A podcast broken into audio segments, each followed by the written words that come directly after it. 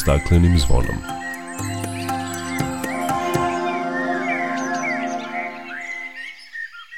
Dobar dan, dobrodošli na Zeleni talas prvog programa radija Radio Televizije Vojvodine. Ja sam Dragana Ratković. Kratko osveženje koje smo imali prošle sedmice neće ublažiti posledice suše. Stručnjaci kažu da će ona potrajati još nekoliko meseci. Sušni period u našoj zemlji i regionu prati i značajan pad vodostaja reka i jezera. Čućete kako se ribe ponašaju u toj situaciji i imali ih u našim vodotocima. Poslednjih godina, kako su klimatske promene postale primetne širom sveta, psihijatri su počeli da prepoznaju ekoanksioznost. Čućete šta je to? Da li ste razmišljali koliki je vaš uticaj na planetu kroz ugljenični otisak? Koliko emitujemo ugljen dioksida i doprinosimo klimatskim promenama i da li smo pomislili kako možemo da smanjimo emisije. Govorit ćemo o aplikaciji za smanjenje emisije ugljen dioksida kao doprinos ublažavanju klimatskih promena koju je izradila organizacija iz Paraćina UNECOP. U drugom delu emisije čućete zašto je Danska na prvom mestu u svetu po svom odnosu prema životnoj sredini i odgovornom odnosu prema planeti. Svoje utiske o poseti ovoj zemlji preneće vam novinarka ekolista Majda Adlešić. Toliko u najavi o ovim i drugim temama opširnije nakon pozdravne pesme. Dok priroda kraj nas plače za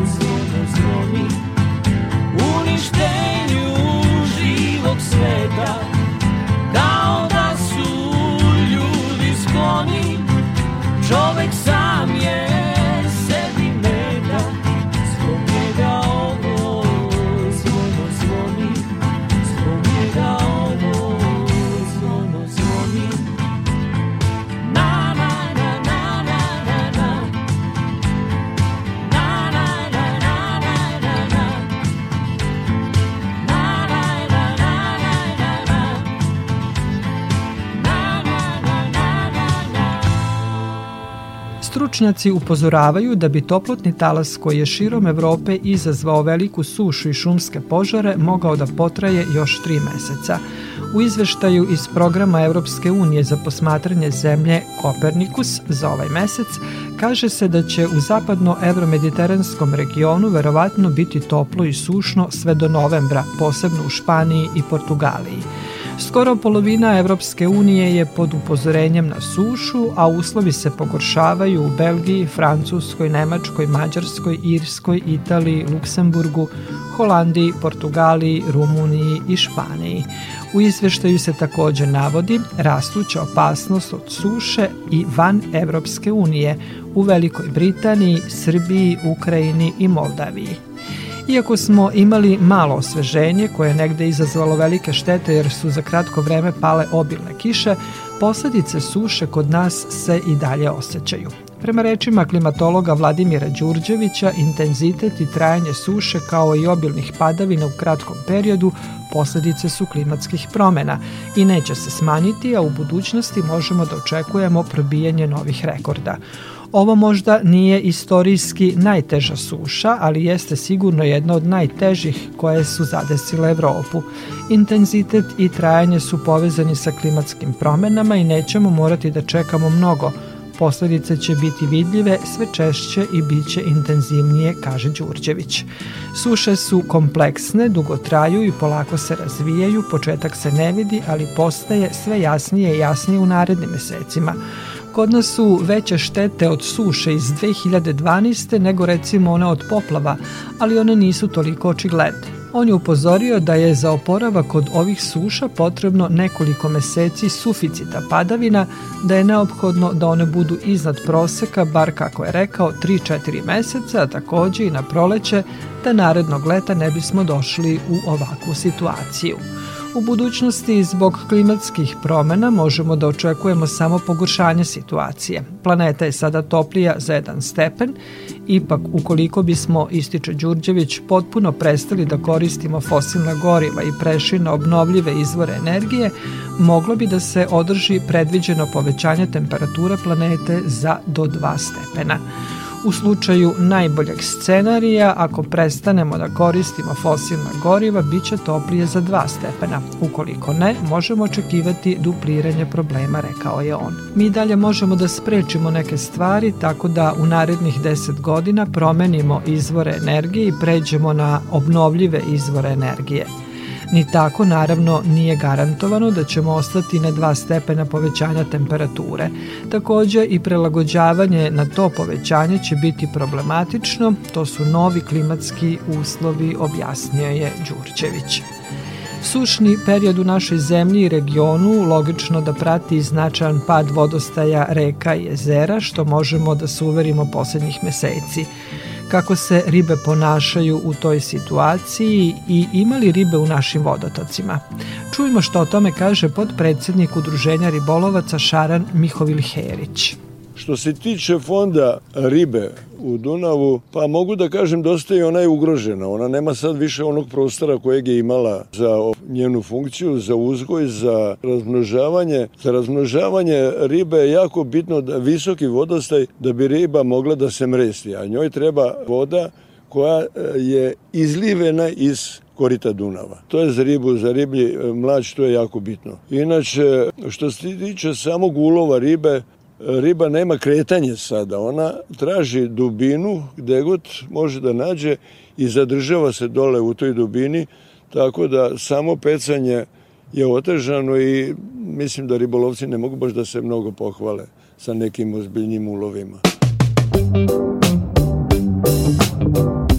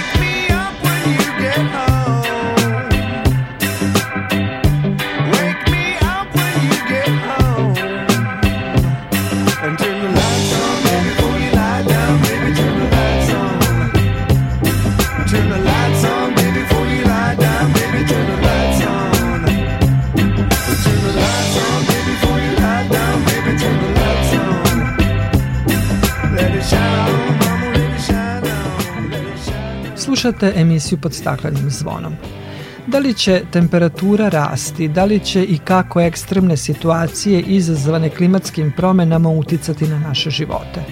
Poslednjih godina, kako su klimatske promene postale primetne širom sveta, psihijatri su počeli da prepoznaju ekoanksioznost.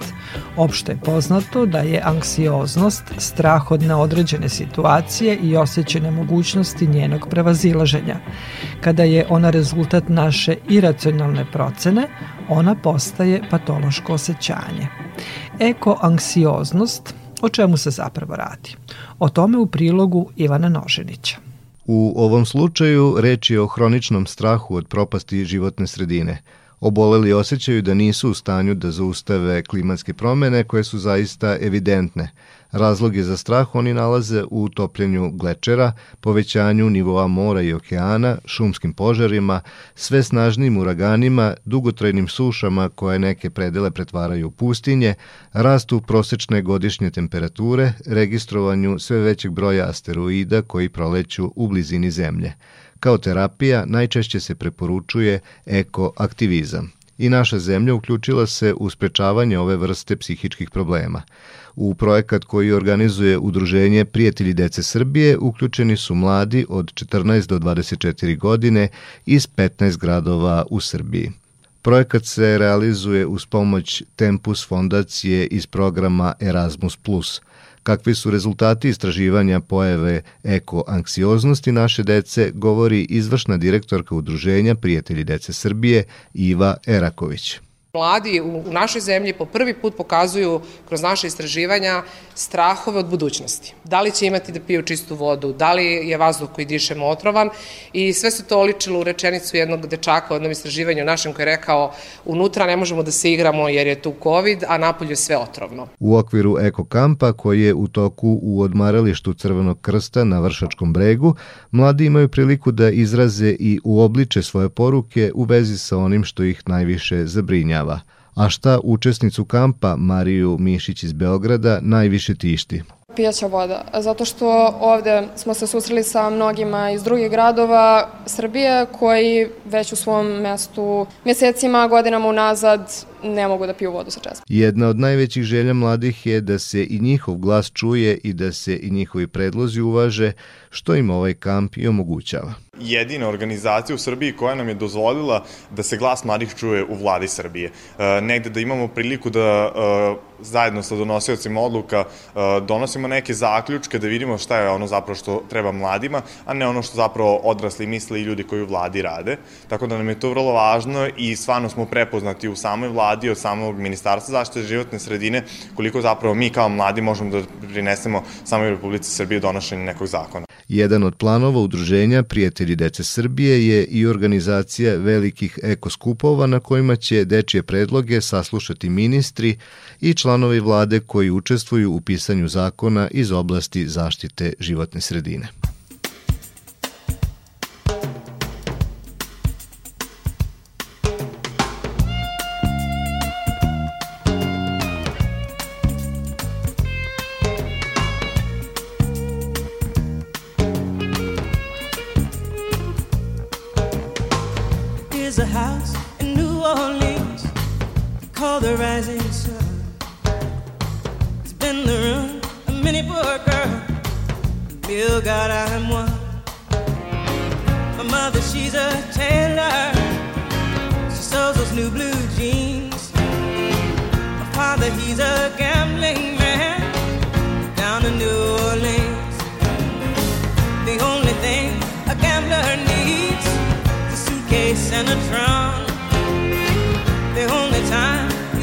satisfied is when he's on a drum.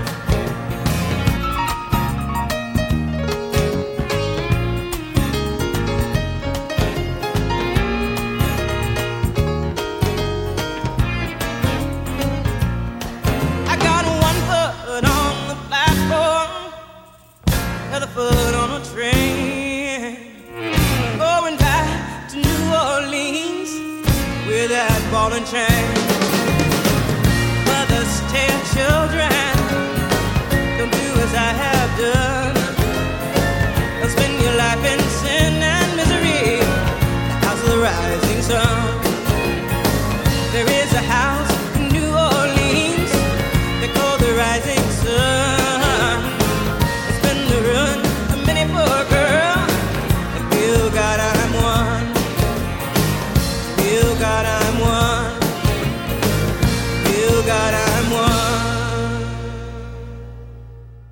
Slušate emisiju pod staklenim zvonom. Da ne biste bili eko-anksiozni, imali strahove o tome kako sve klimatske promene mogu uticati na naše živote, može da razmišljamo o tome kako bismo mogli dati svoj doprinos smanjenju emisije gasova s efektom staklene bašte. Da li ste razmišljali koliki je vaš uticaj na planetu kroz ugljenični otisak? koliko emitujemo ugljen dioksida i doprinosimo klimatskim promenama i da li smo pomislili kako možemo da smanjimo emisije. Ugljenični otisak je specifičan termin koji se odnosi na to koliko mi kao pojedinci u toku godine emitujemo ugljen dioksida da bismo uradili sve što uradimo u toku godina. Svaka naša aktivnost za koju je potrebna potrošnja energije može da se izmeri, izračuna koliko smo emitovali ugljen dioksida, jednog od glavnih gasova sa efektom staklene bašte koji najviše doprinosi klimatskim promenama. Ukoliko bi svako na osnovu izmerenih rezultata smanjio svoj ugljenični otisak, smatra se da bismo na taj način ublažili klimatske promene i usporili zagrevanje planete. A organizacija iz Paraćina UNEKOP izradila je aplikaciju u cilju promocije smanjenja i negativnog uticaja na klimu kao doprinos smanjenju globalnog zagrevanja i klimatskih promena. Tim povodom sa nama na telefonskoj liniji je predsednik te organizacije Vladimir Janković. Vladimire, Dobrodošli na Talasa Radio Novog Sada. Dobar dan vašim slušacima i vama. Pre nego što čujemo nešto više o samoj aplikaciji koja će nam pomoći da smanjimo svoj ugljenični otisak, recite nam čime se sve Unekop bavi? Unekop postoji već 17 godina i u nekim prvim godinama je fokus bio upravljanje otpada, ali poslednjih godina sama tema klimatskih promena se nametnula kao jedno strateško opredeljenje naše organizacije jer je ona sama po sebi jedan praktično krov koji prožima različite teme i, i otpad kojim smo se ranije bavili i neke nove teme, zaštita prirode, uopšte rešavanje problema. Sad je teško razdvojiti klasičnu zaštitu životne sredine od, od klimatskih promena jer je to usko povezano i naš fokus u tom delu je pre svega smo prepoznali da na lokalu postoje dosta niski e, potencijali kad su u pitanju uopšte prepoznavanje problematike klimatske promjena, a posebno obaveza da lokalne samuprave rade na tome da pre svega kroz plansku dokumentaciju, a zatim i konkretne mere ojačaju znači svoju adaptivnost i smanje svoju ranjivost na negativne posljedice klimatskih promjena. I jedan drugi segment koji je onako pionirski za prostore možda i cele države je dekarbonizacija građevinskog sektora, obzirom da i na svetskom globalnom nivou građevinski sektor je jedan od najvećih emitera i praktično e, utiče značajno kad je u pitanju emisija CO2 i mi znači promovišemo onaj deo koji se ne odnosi na grejanje i hlađenje, već praktično deo smanjenja emitovanja CO2 još u fazi e, proizvodnje građevinskih materijala, proizvodnje cementa, pre svega i drugih materijala i kao ponudu e, u odnosu na klasične materijale sa još nekoliko organizacija i fakulteta već par godina razvijamo jedan e, laki niskokarbonski materijal na bazi biljke miskantus uz korišćenje materijala koji imaju povoljni karbonski otisak i pre svega to je hidraulični kreč koji se proizvodi na manjim temperaturama pa samim tim i iziskuje manju potrošnju energije.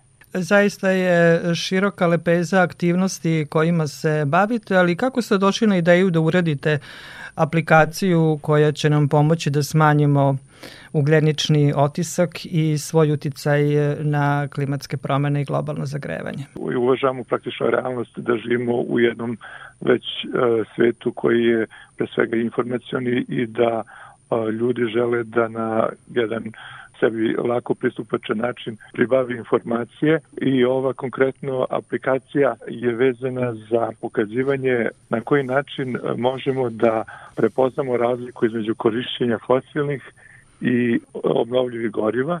Preuzimanjem te aplikacije vi možete da ako ste sada korisnik fosilnih goriva, da preračunate pelasku, na primjer, ako hoćete da pređete na drvo, koliko vam je potreba znači, za tu količinu koju ste do sada koristili, koji je to ekvivalent, a s druge strane će vam aplikacija dati informaciju za koliko ste na taj način smanjili svoj otisak i koliko ste praktično uštedili emisiju CO2. Da li nam možete dati neki e, konkretan primer? Pa aplikacija je možda i lansirana u nezvom trenutku kada vreme popularizacije obnovljivih izvora energije baš i nije tema koja je prihvatljiva jer u situaciji da se ljudi razmišljaju o elementarnom znači mogućnostima za grejanje, ali pre svega svaki prelazak sa fosilnih goriva, pre svega na biomasu, imajući u vidu da je biomasa nulto ugljenično, znači taj celokupni otisak koji ste vi ranije imali sada je praktično eliminisan jer je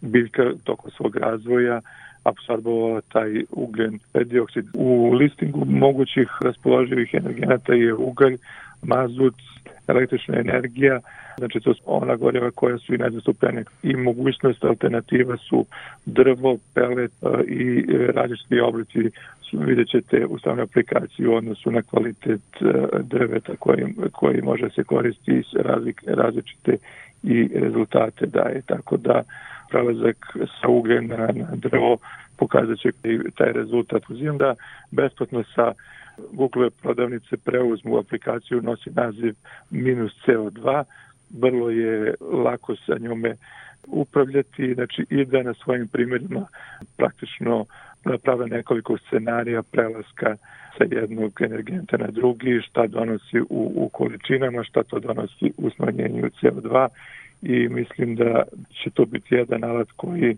će u svakom domaćinstvu biti od pomoći za donošenje takvih odluka. Vladimire, hvala vam lepo za razgovor i učešću u programu Radio Novog Sada, što ste nam predstavili aplikaciju pomoću koje možemo da smanjimo ugljenični otisak, odnosno negativan uticaj na klimu i damo svoj doprinos smanjenju globalnog zagrevanja i klimatskih promena. Nadam se da ćemo o tome sve više razmišljati u budućnosti. Svakako hvala i vama što ste dali priliku da predstavimo i svoju organizaciju i aplikaciju i kao organizacija smo uvek spremni za saradnju na ovu temu ili na neku drugu temu vezanu za zaštitu životne sredine.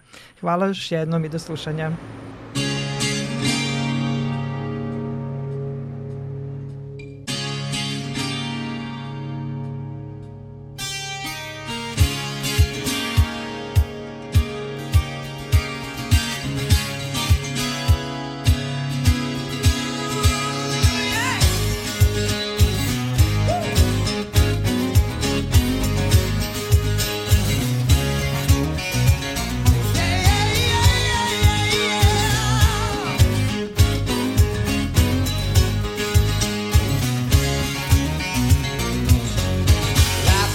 sit on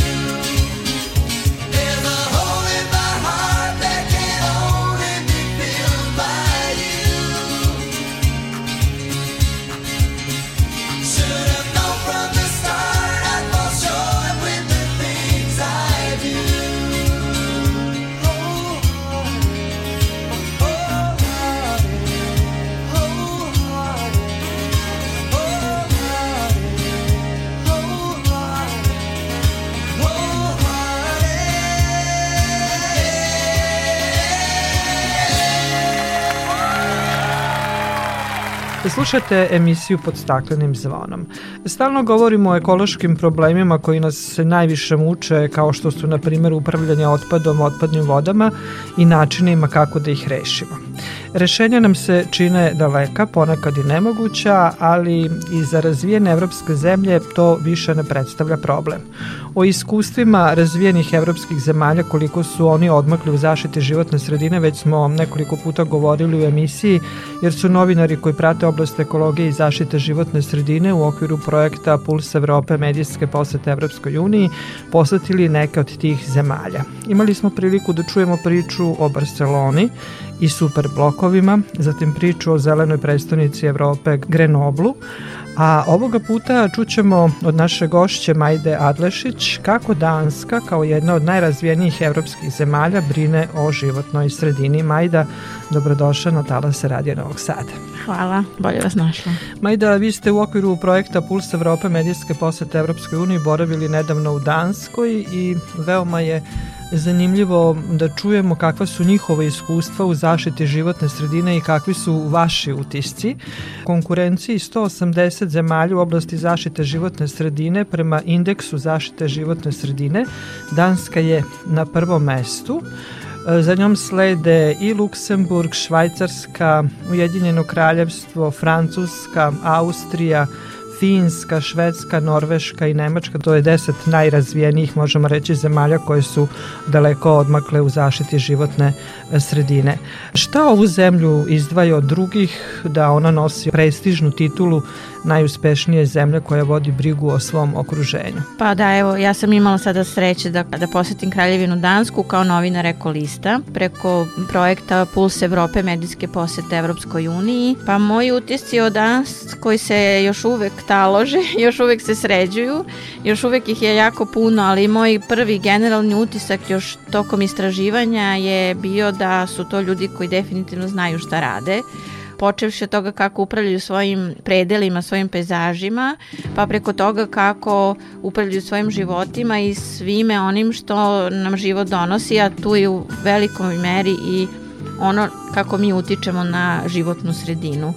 Znači, to je jedna država koja je definitivno uređena, posvećeni su tome što rade, znači oni su na tom prvom mestu tog eh, Environmental Protection uh, indeksa već nekoliko godina na prvom mestu, eh, što govori samo o njihovoj posvećenosti tome da istraju u, u toj nameri da životnu sredinu sačuvaju što, što bolje i na tome konstantno rade. Ono što sam ja tamo videla su prostori, da kažem, i rešenja koja su za sada i malte ne jedinstvena u svetu, ne samo u Evropi. To je bio prečistač otpadnih voda koji je u sklopu jednog e, klimati i environmental parka i spalionica otpada koja je e, maltene u centru Kopenhagena i koja je istovremeno jedan sportski rezort. Oba prostora su veoma poznata i po jednom i po drugom sadržaju. Mi imamo problem, imamo gomile otpada, vi ste posetili mesto koje, kako kažu, je nekako najprijateljskije prirodi ljudima tretiraju, tretiraju otpad i od njega prave energiju. Jeste, to je Amager Bake, odnosno Amager Resource Center.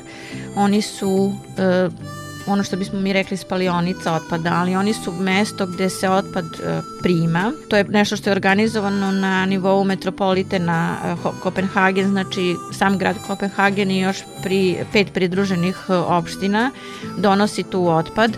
Pored toga imaju 17 reciklažnih stanica gde dodatno prikupljaju otpad koji nije moguće tako lako donositi baš na jedno mesto radi se o organskom otpadu, odnosno onome što ide na kompostiranje i o građevinskom otpadu, to je znači eksterno se još uh, sakuplja. I u okviru tog prostora koji se nalazi praktično u Luci, ovaj delu Luke, ovaj Kopenhagen, oni sakupljaju otpad, prerađuju ga do tog nivoa da proizvode toplotnu energiju za 90.000 stambenih jedinica u Kopenhagenu i električnu energiju za 80.000 stambenih jedinica u Kopenhagenu. Otprilike je 17 tona smeća u jednom satu se tu obradi, sve je maksimalno digitalizovano, kompjuterizovano, Znači ja sam obišla pogon od 12. sprata gde smo ušli praktično u taj jedan sistem koji izgleda kao scenografija za filmove o James Bondu sa gomilom cevi, bojlera, stepeništa raznih nivoa i tako dalje. Znači to je za mene koja ne barata tim tehničkim jezikom bilo jako interesantno za videti, ali je moj domaćin meni, Nils Thor Rosted, s kojim sam već i napravila intervju za Ekolist, proveo me kroz čitav proces krenuli smo malo unaz, što bi se reklo, ovaj, od te zadnje platforme gde se u stvari nalazi dimnjak koji se vidi e, sa svih strana kad se prilazi Kopenhagenu i koji ispušta potpuno čist e, dim, odnosno čist vazduh koji ovaj, je u nekim trenucima kad su oni upoređivali merenja bio čistiji nego i u samom gradu jer je sada oslobađaju ugljen dioksida jer su inače uveli program e, sakupljanja ili te kaptivacije ugljen dioksida do 2025. godine kada im je cilj da postanu free carbon grad prvi u svetu, znači da se potpuno reše ugljen dioksida od izduvnih i tih e, gasova sagorevanja. Čitavo postrojenje je, kažem, digitalizovano, znači bukvalno sam srela trojicu ljudi kroz čitav pogon. Ono što je zanimljivo da e, su uveli sada i dovoženje otpada električnim vozilima i da ne bude da sad stvari idealizujemo i da ih posmetramo kroz ružičaste naočare, oni trenutno, da kažem, vode borbu sa selekcijom otpada. Kod njih se već godinama kao normalno selektuje 3 do 4 vrste otpada. A sada će povećati to Oni će sada povećati 10. na 10, jeste. I to je za svako domaćinstvo ili objekat ko, uz koji moraju da stoje kante za smeće postalo jako naporno da praktično imaju 10 kanti za otpad, pa su i tu uveli jednu inovaciju, znači za sve ono čega nema puno, dobijaju kante koje su sa dva ili tri odeljka, tako da mogu istovremeno jednu kantu više toga da skupljaju. Pitala sam iskreno da mi kažu kako građani reaguju i kako se na to navikavaju. se prema tome odnose i kako se na to navikavaju. Odgovor je bio prosto da ako su do sad sakupljali četiri vrste, neće biti problem da skupljaju još sedam. Onima koji su do sada skupljali normalno sedam, bit će mnogo lakše, ovi će se navići.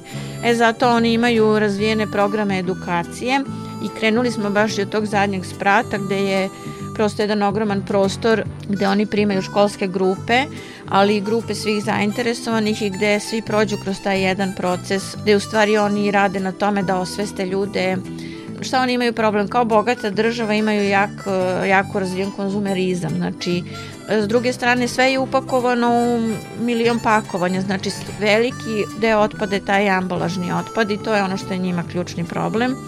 Oni jednostavno sada edukuju ljude i počinju od dece i idu tim e, nivom da prvo krenemo da razmišljamo o tome da li zaista moramo da kupimo ono što kupimo i da li ga moramo kupiti na taj način na koji ga kupujemo.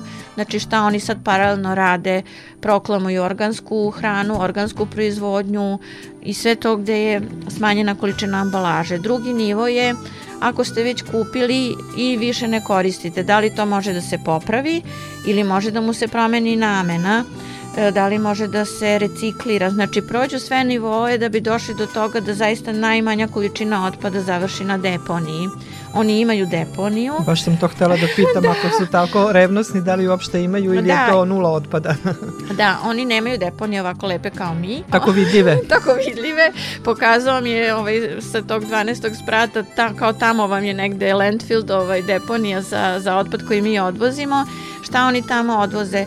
kad se sva selekcija obavi, znači uz to je prisutan i taj moment da ono što neko zaista ne želi da koristi, a odbacio ga je, a nije za bacanje, imaju i radionice gde se to popravlja i gde to može da se kupi ponovo za malo para, to je viđeno već i u Beču i na drugim mestima. Znači kad dođemo do toga da postoje stvari s kojima ne znaju šta će, znači nisu za spaljivanje, nisu za reciklažu, nisu ni za šta drugo, postoje mesta gde oni to zakopavaju bukvalno, znači imaju deponije gde to odlažu i prebacuju zemlju preko toga i označavaju, znači i to rade selektivno, odnosno selekcionisanjem po tipovima toga što se razdvaja. Da, ono što nema uticaja na, na, jeste, na zemljište. Jeste, do momenta kad smisle šta će s tim, da bi mogli ponovo da ga izvade i obrade na način na koji su odlučili da to urade. Znači, kod njih ništa nije krajnji otpad kao kod nas na deponiji s kojim se dalje ne zna šta i kako Da, pretpostavljam da je sve čisto, ne vidi se taj otpad na ulicama. Bila sam u tri grada, Kopenhagen je naravno turistički jako zanimljivo mesto.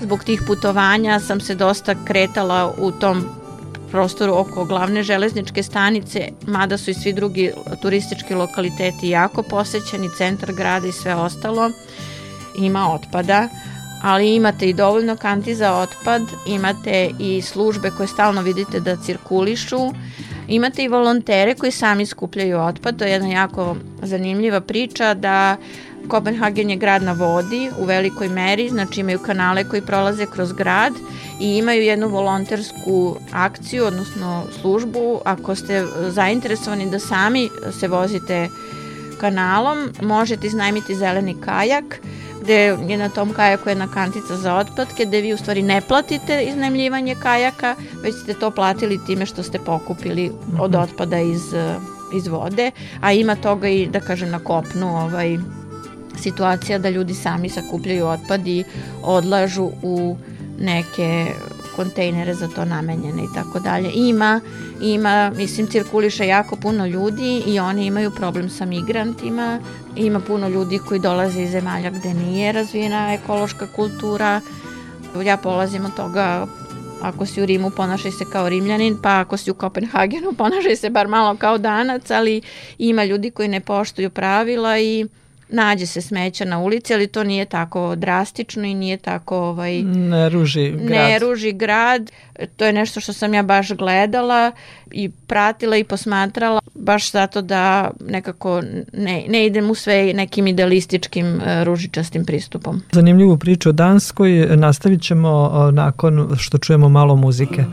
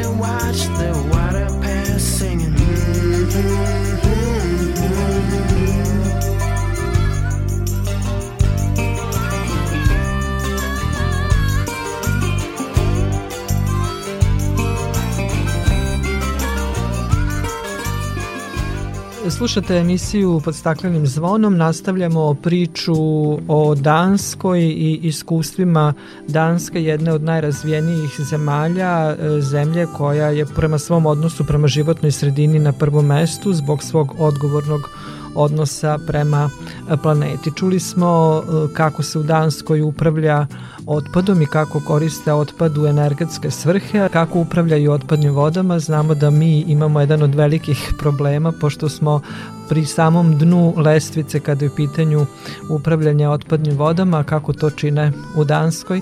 O tome će nam reći Majda Adlešić koja se nedavno vratila iz ove zemlje. Kao i s otpadom, tako vrlo odgovorno i posvećeno upravljaju i otpadnim vodama i razmišljaju kako da to i dalje unaprede.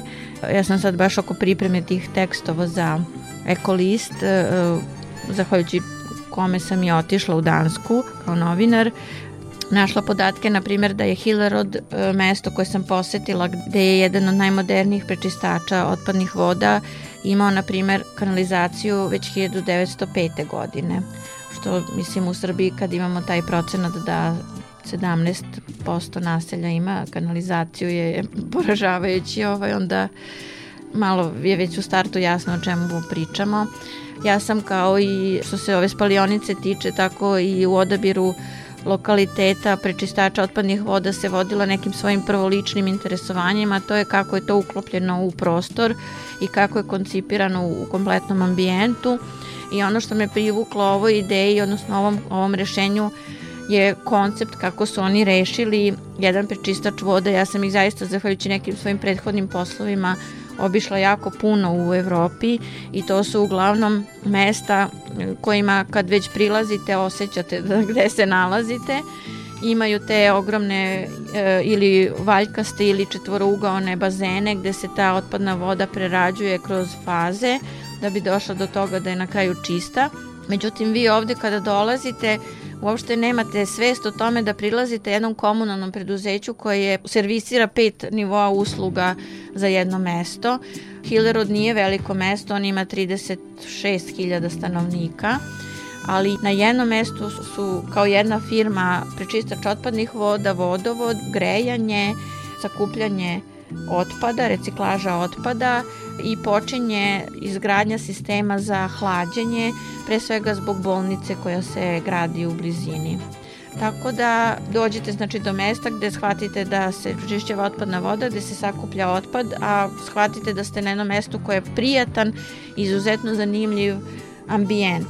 Znači šta su oni uradili, kao i u slučaju spalionice, angažovali su jednu od najboljih arhitektonskih kuća, studija u u Danskoj. Sve se nalazi ispod zemlje, osim nekoliko valjaka gde se sakuplja e, biomasa i sve to tako kad pogledate izgleda kao jedan tako poljoprivredni prostor što da jeste nekad i bilo. Sve je ispod zemlje, znači i bazeni u koje ulazi otpadna voda i sav taj sistem prečišćavanja je dobro sakriven ispod nečega što se zove klimatski i da kažemo park zaštićene prirode gde se takođe vodilo računa o svakom detalju, počev od toga da su napravili neku repliku ambara za slepe miševe koje su tu otkrili kada su krenuli da raščešćavaju prostor i kako sami kažu to su najskuplji kvadratni metri u Danskoj jer je to isto uradio neko smisleno. Tu su hoteli za insekte, trase za prolazak žaba, njihove biljke, lokalne, autohtone koje su kao livade, Sačuvani su svi nađeni arheološki ostaci koji su tu nekada nađeni i označeni na adekvatan način. To nije jedino po čemu je ovaj pročistač e, interesantan. Sva tehnologija se bazira malte ne 100% na biološkim metodama. Znači oni u jako malom procentu koriste hemiju za prečišćavanje otpadnih voda. Kada otpadna voda uđe u te prve bazene za prihvat, Naravno, prvo se odvaja mehanički otpad, kojeg i tamo, nažalost, ima jako puno. U tim bazenima se prođe kroz devet, da kažem, procedura, dok voda krene dalje u, taj proces pročišćavanja praktično bakterijama. Ona je toliko čista na kraju, tu je odmah u tom prostoru jedno jezero, odnosno više jezera koja su kao lagumi po, povezani kanalima i koji su na kraju povezani kanalom koji odlazi do prvog pa drugog velikog prirodnog jezera da bi na kraju sve to završilo u moru. Tu voda izlazi maltene potpuno čista. Kažu da nisu još dostigli nivo da voda može da se pije, ali rade na tome, ali je bitno da ona ne ugrožava živi svet, što oni stalno testiraju u tom samom jezeru gde vi, mislim, očigledno je kao jedan mali vodoskok izlazi prečišćena voda u to jezero. Rade stalno na inovacijama, sve komponente koje se odvoje iz otpadne vode, trude se da sa njima nešto urade, da ne postoji otpad sa kojim ne znaju šta će, znači imaju skladište gde sakupljaju biomasu, odnosno biogas koji, koji nastane, sakupljaju takozvani smejući gas koji ume u velikim količinama da bude opasan i otrovan, da njega izoluju i prerade i koriste dalje. A ono što se izdvaja kao mehanički otpad, gde uglavnom ima i plastike i svega što je reciklabilno, od toga su počeli da proizvode materijal koji je sada zamena za završni sloj asfalta u građevinarstvu, odnosno u izgradnji puteva. Zaista deluje bajkovito. Ono Jeste. po čemu znamo te severne zemlje, među kojima je i Danska, oni su još pre nekoliko godina koristili energiju vetra, čak negde blizu 50% energije su dobijali iz svojih vetroparkova. Znamo kakva je sada situacija u svetu da svi traže načine da zamene ove konvencionalne energente Pa, obnovljivim izvorima. Da, to je baš bilo moje pitanje ovaj, kako će na njih ova energetska kriza delovati, pa su mi prosto objasnili da oni su spremni za to, neće imati problem naravno. Šta je još zanimljivo, ne samo što imate te vetroparkove na svakom mogućem mestu, zaista su zemlja koja obiluje vetrovima, od pet dana, tri dana je duvao vetar, dok sam ja bila i to je vetar baš pravi. Vetrenjače su i na vodi i gde god ovaj, se nađe prilika da se, da se postave, naravno u nekoj normalnoj meri razumnoj. Ono što mi je bilo jako interesantno, sve površine su obrađene, ali tamo gde nisu obrađene površine tu imate fotovoltaike, odnosno solarne panele i između njih imate ovčice koje pasu, ali ovaj, svaki način da se dođe do energije je maksimalno iskorišćen i oni definitivno neće imati problem sa energijom, bar još neko duže vreme. Da, i njihovi ciljevi koje su postavili su daleko iznad onih evropskih, ko, za koje kažemo da u odnosu na druge delove sveta su bili visoki, dakle prednjače i kad je reč o, o tome da budu i energetski nezavisni. Nezavisni. Žao mi je što moramo da privedemo razgovor kraju, ali možda jedan opšti utisak o tome kako Danska izgleda kao, evo sad iz ove neke priče možemo reći idealna zemlja za zdrav život. To je prava stvar, idealna zemlja za zdrav život. Daleko je od idealne jer e, svaka država ima problema, imaju ih i oni i e, ja verujem da oni kao građani imaju potrebe za ve- većim, boljim i drugačijim načinom života. To je nama koji dođemo iz ovih e, ovakvih zemalja uvek e, bajkovito i ružičasto, ali to uspemo da razaznamo. Pa opšti utisak o Dajanskoj je zaista da je zemlja u kojoj može kvalitetno da se živi. Očigledno je da ono što rade na nivou zaštite životne sredine je veoma visokog nivoa, visoko ovaj, organizovano. Sve to što im se sad u ovom trenutku možda kao nameće, kao, kao nova obaveza što se tog eh, separiranja otpada tiče ili bilo čega drugog, verovatno su tu i takse velike i cene i sve ostalo što prati taj nivo standarda, ali oni to nekako sportski prihvataju i nose. Ono što se kao opšti utisak vidi je ne samo da su ulice uredne i čiste, to je da brinu o svom kulturnom nasleđu, o svojoj istorijskoj zaostavštini, što poštuju vreme koje je postojalo pre ovog vremena sada, što poštuju svoje prirodna bogatstva, svoje predele, što znaju da upravljaju predelom u kome žive. Oni su vrlo ravničarska zemlja okružena vodom. Oni su od toga napravili po meni čudo. Ovaj, zaista su napravili ogroman iskorak u odnosu na mnoge zemlje Evrope, čak i ove koje su netom ispod njih što se tih nekih koeficijenata tiče. Ali do svega toga se nije moglo doći u veoma kratkom roku, pa pretpostavljam da se briga o životnoj sredini e, vodi godinama unazad da su mogli da dođu do takvog stepena na kojem se nalaze danas. Pa sigurno, ali samo jedan podatak, oni su na ovom nivou što se bar odvajanja otpada tiče bili pre 50 godina gde smo mi sada Ja bih voljela da mi stignemo na njihovo mesto i za 50 godina, ne moramo brže, ali bojim se da je to jako ambiciozno za nas. Da, ali ne trebamo gubiti nadu, dakle trebamo da radimo na tome i da nam Naravno. su nam uzoru e, i iskustva drugih zemalja u tome kako se odnositi prema životnoj sredini budu ispred nas i da težimo tome da mi budemo jednom takva zemlja. To sigurno i ono što je meni bilo jako e, drago i bitno da su ljudi u tim razgovorima pokazali veliko interesovanje za nas.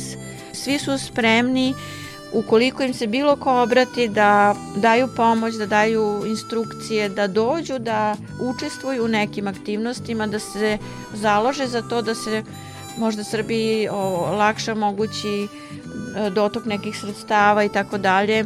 Oni su, na primjer, svoje ministarstvo zaštite životne sredine formirali pre, na primjer, i Velike Britanije, a mislim da su među prvim državama koje je dala zeleno svetlo da mi možemo ići dalje u procesu pridruživanja. Ja sam razgovarala sa našom ambasadorkom koja je skrenula pažnju na naše dugogodišnje diplomatske odnose i prijateljske odnose, tako da Danska je jedna jako nama slična i prijateljska zemlja. Znači možemo videti sebe u Danskoj ako se dobro zagledamo. Da, ako se dobro zagledamo i ako eto, primenimo neka od iskustava koje su oni primenili. Majda, hvala lepo za ovu priču o Danskoj, što smo malo proširili vidike i izašli iz naše svakodnevice i videli da, da se može i da neki ekološki problemi koje mi imamo ne moraju uopšte to da budu. Naša gošća bila je Majda Adlešić, u ovom slučaju novinarka ekolista koja je u okviru projekta Puls Evrope medijske posete Evropskoj uniji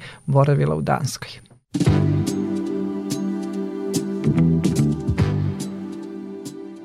Čuli ste kakav je odnos danaca prema životnoj sredini i zašto su na prvom mestu u svetu kada je reč o brizi o svom okruženju i planeti.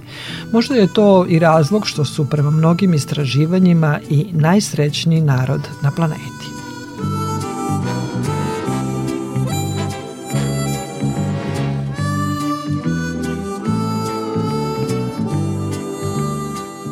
Došli smo do kraja emisije pod staklenim zvonom koju možete slušati i odloženo na podcastu Radio Televizije Vojvodine na adresi rtv.rs. Na pažnji vam zahvaljuju Violeta Marković, Zoran Gajinov i Dragana Ratković. Naredni susret zakazujemo za sedam dana u isto vreme na zelenom talasu prvog programa radija Radio Televizije Vojvodine.